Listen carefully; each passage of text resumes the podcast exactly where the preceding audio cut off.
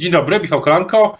Państwa i moim gościem jest dzisiaj Agnieszka Dziemianowicz-Bąk, posłanka Lewicy. Dzień dobry. Dzień dobry panu, dzień dobry państwu. W drugi dzień roku szkolnego i pytanie, jakie są pani przewidywania co do tego, jak ten rok szkolny będzie się, e, będzie, będzie, będzie się rozwijał? Co, co się będzie działo za tydzień, dwa, miesiąc? No tak, jesteśmy dopiero w drugim dniu e, tego roku szkolnego, ale już pierwszy dzień, już pierwszy września pokazał, że będzie to z całą pewnością rok szkolny inny niż wszystkie do tej pory.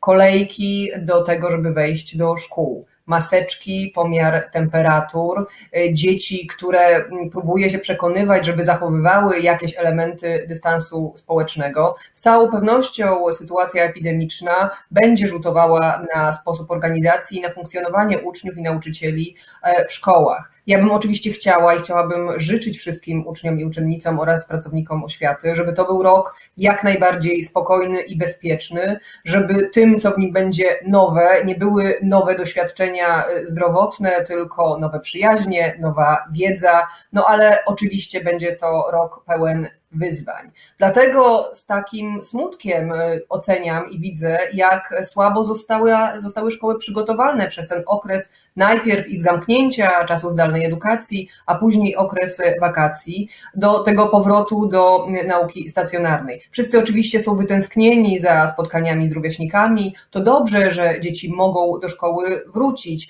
Natomiast no, myślę, że na miejscu rodziców czy nauczycieli można być pełnym obaw o zdrowie i bezpieczeństwo dzieci i swoich rodzin. Czy z tego wynika e, ten pomysł odwołania ministra Piątkowskiego, który Lewica zaprezentowała e, wczoraj?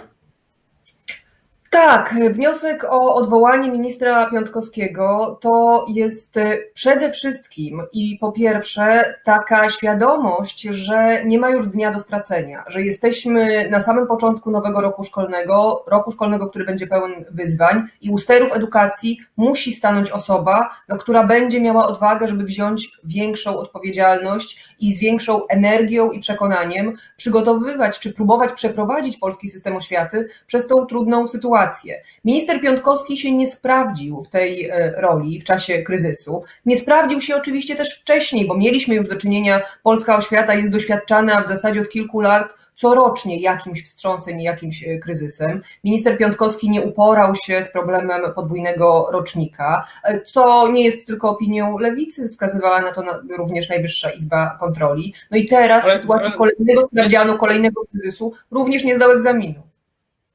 Ale co do samego wniosku, to potrzebne są, o ile pamiętam, 69, 69 e, podpisów jest potrzebnych. Lewica ma 41 e, szabel w Sejmie, więc pytanie. Słucham? 49 ma, ale tak, oczywiście. 49, przepraszam. Więc brakuje, brakuje 10, 10, 10 podpisów. Czy, czy liczy pani na, e, na PSL, na, na Konfederację, czy na Platformę, Koalicję Obywatelską, która też no, bardzo mocno krytykuje E, ministra Piotkowskiego? E, z całą pewnością nie liczę na Konfederację, bo nigdy na Konfederację nie liczę. Natomiast jeżeli chodzi o PSL, Koalicję Polską i Koalicję Obywatelską, to tak, oczywiście, zapraszamy serdecznie do podpisania się pod tym wnioskiem. Mamy też deklarację e, kierownictwa obu klubów, że przychylają się do naszego wniosku, więc nie powinno być żadnego problemu z tym, żeby ten wniosek o odwołanie ministra Piątkowskiego E, złożyć. To oczywiście, czy minister zostanie odwołany, czy nie, zależeć będzie od partii rządzącej, ale my jako lewica chcemy grać w otwarte karty. Jeżeli uważamy, że minister Piątkowski się nie sprawdził i jeżeli nie będzie, uważamy, że nie będzie w stanie przeprowadzić polskiej oświaty przez ten trudny rok szkolny, to chcemy, żeby na jego miejsce pojawił się ktoś nowy, kto być może będzie miał większe do tego kompetencje. A czy to nie jest tak e, paradoksalnie w jakimś sensie, tak jak dzisiaj pisze Wirtualna Polska, że że wniosek, czy, czy, czy im bardziej opozycja chce odwołać ministra, e, tym bardziej on pozostanie na swoim stanowisku. Były takie sytuacje. Chociaż z drugiej strony kiedyś opozycja chciała odwołania e, premier Szydła, ona później i tak została odwołana. Ale, ale czy, czy, czy nie jest tak, że atak opozy- czy że krytyka opozycji wzmacnia ministra politycznie PiS?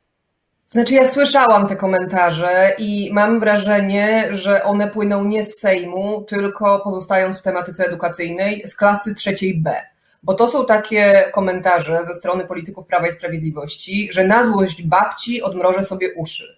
Jeżeli Prawo i Sprawiedliwość jest przekonane, że minister Piątkowski nie dał rady, to powinno go odwołać i przychylić się do wniosku o wotum, wotum nieufności. Tu naprawdę nie powinno mieć znaczenia żadne kuluarowe czy polityczne gierki zakulisowe, tylko rzetelna ocena tego, w jakim stanie jest dziś polski system oświaty i czy polska szkoła jest przygotowana do przejścia przez kryzys związany z koronawirusem, e, czy nie. Dlatego lewica Zamiast gdzieś próbować e, analizować, czy wniosek o odwołanie pomoże, czy zaszkodzi, jeżeli uważa, a uważamy, że ministra Piątkowskiego należy odwołać, to to mówimy. Wiemy też, że tego oczekują wyborcy, tego oczekuje środowisko, e, środowiska oświatowe, oczekują jasnego stawiania sprawy.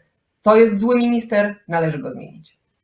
A co do y, systemu edukacji w ogóle w tym roku, to czy zgodziłaby się Pani z tezą, że szkoła już nigdy nie będzie taka sama, nawet jak już wszyscy się zaszczepimy na koronawirusa?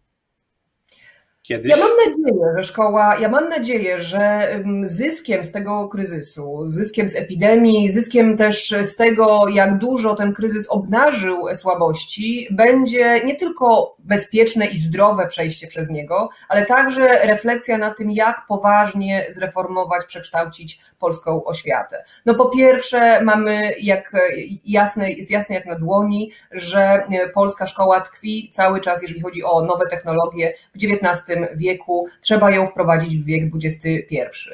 To, że tak trudno było przejść na edukację zdalną, że kilkanaście tysięcy uczniów nie miało dostępu do edukacji, ponieważ nie miało dostępu do internetu, nie miało dostępu do sprzętu elektronicznego, albo po prostu ten system nauczania zdalnego nie był w stanie zidentyfikować, jakie mają problemy i dlaczego się nie logują, dlaczego nie pojawiają się e, na lekcjach, no to pokazuje, że pilnie należy zinformatyzować polski system e, oświaty. Ale też ten kryzys pokazał bolączki, o których ja, czy lewica, czy środowiska nauczycielskie mówiły od wielu lat brak dostatecznej liczby psychologów w szkołach, brak gabinetów lekarskich czy, pielęg- czy gabinetów pielęgniarek. To są takie, e, takie okoliczności, które teraz w tej trudnej sytuacji bardzo by się przydały, bo jeżeli minister Piątkowski zaleca, żeby kiedy pojawi się dziecko z objawami choroby w szkole, zamknąć je w izolatce, no to mi się przed oczami kreuje obraz przestraszonego ośmiolatka, który nagle jest odseparowany, dlatego że kaszle, jest odseparowany od swoich rówieśników,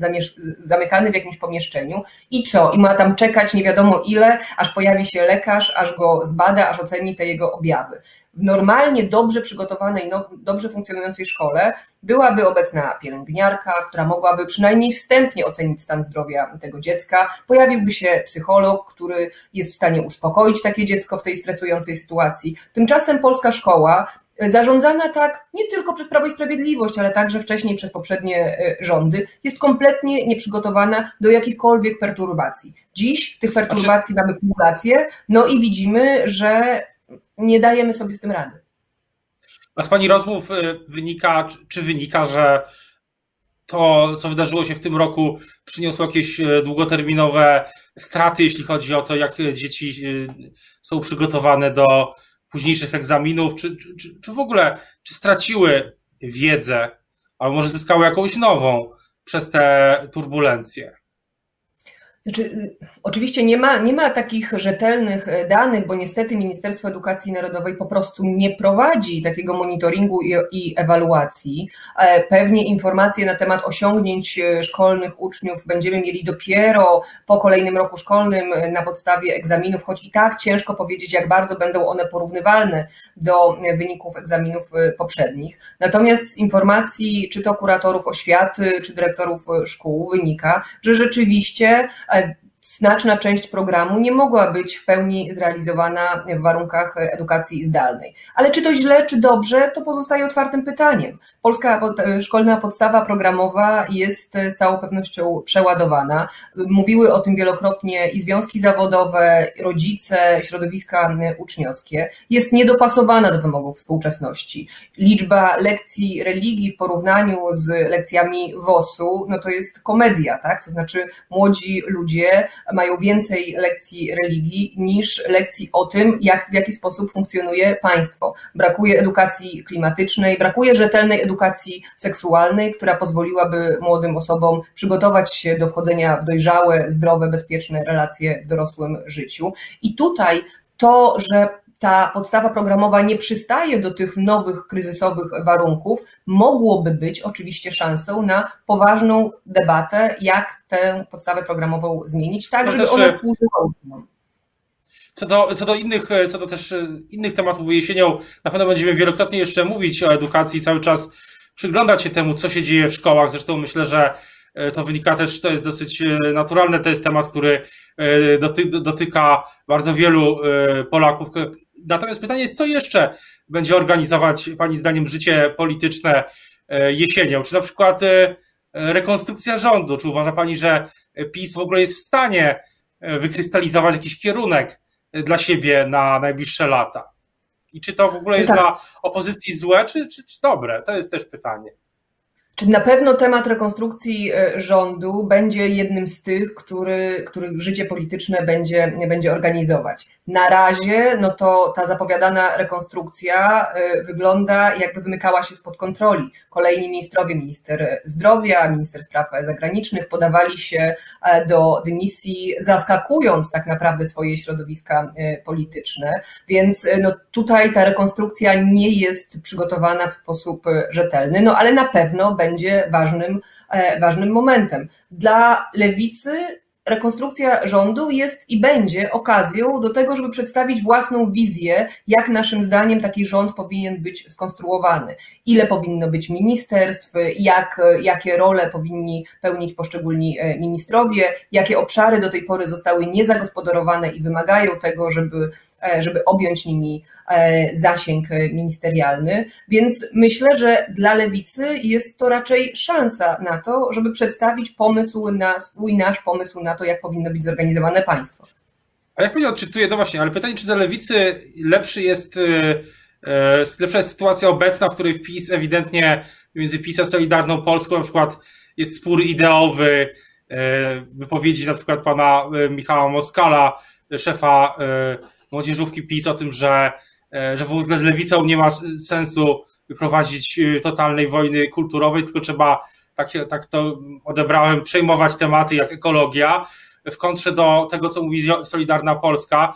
Czy sytuacja takiego konfliktu jest, jest dla lewicy lepsza niż taka sytuacja, w której to by się wy, wy, wykrystalizował się jakiś kurs, na przykład bardziej technokratyczny albo bardziej tożsamościowy? Co jest e, lepsze?